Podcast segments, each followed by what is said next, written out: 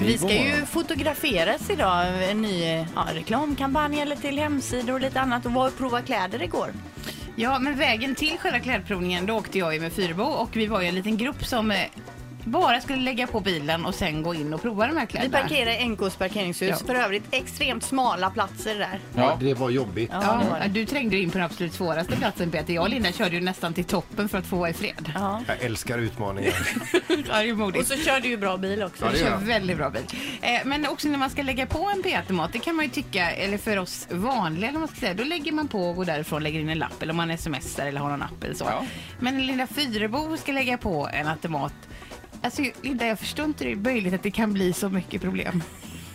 Du fick tillkallas fyra personer och hjälpa Alltså, till. för det första, jag har ju den här parkeringsappen som funkar svinbra men i just det parkeringshuset Ja. då är det en annan app man ska ha. Man Och- kan ju inte ha alla appar i hela världen i sin telefon.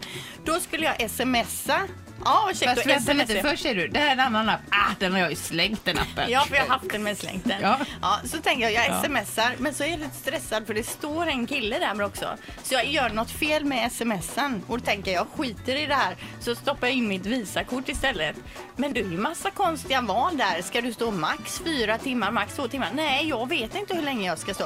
Så det var väldigt liksom rörigt på Men plats. det var ju tumult. Och mitt i detta tumult när Linda bara ska lägga på så skadar sig alltså Linda också. Jag får alltså en parkeringsskada. Jag har alltså sträckt mig i ryggen. Nej, men, Jag hon blev- kan liksom inte träna nu för att av att i Visakortet ur så har alltså Linda fått en skada. Nej, men alltså jag, fick, jag tror jag blev så stressad så jag fick ett sendrag. ja, men, Och nu är jag helt ung. Ja.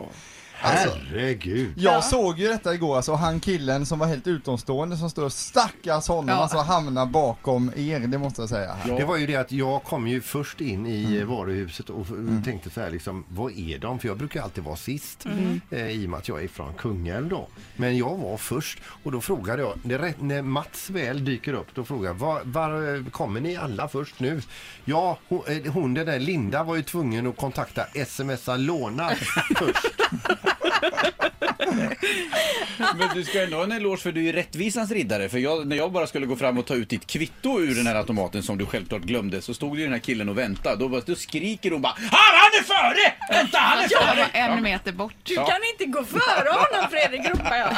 Nej det Ja. var verkligen tumultartat. Jag måste bara ställa en fråga här bortifrån kanten. Är det verkligen rimligt att om man inte ens kan lägga på en parkeringsautomat, ska man då ha körkort och kunna hantera hundratals häst, hästkrafter, ratt och andra grejer? Är det rimligt tycker ni? En bra fråga. Ja, Mycket bra bra Erik. fråga. Viktig fråga.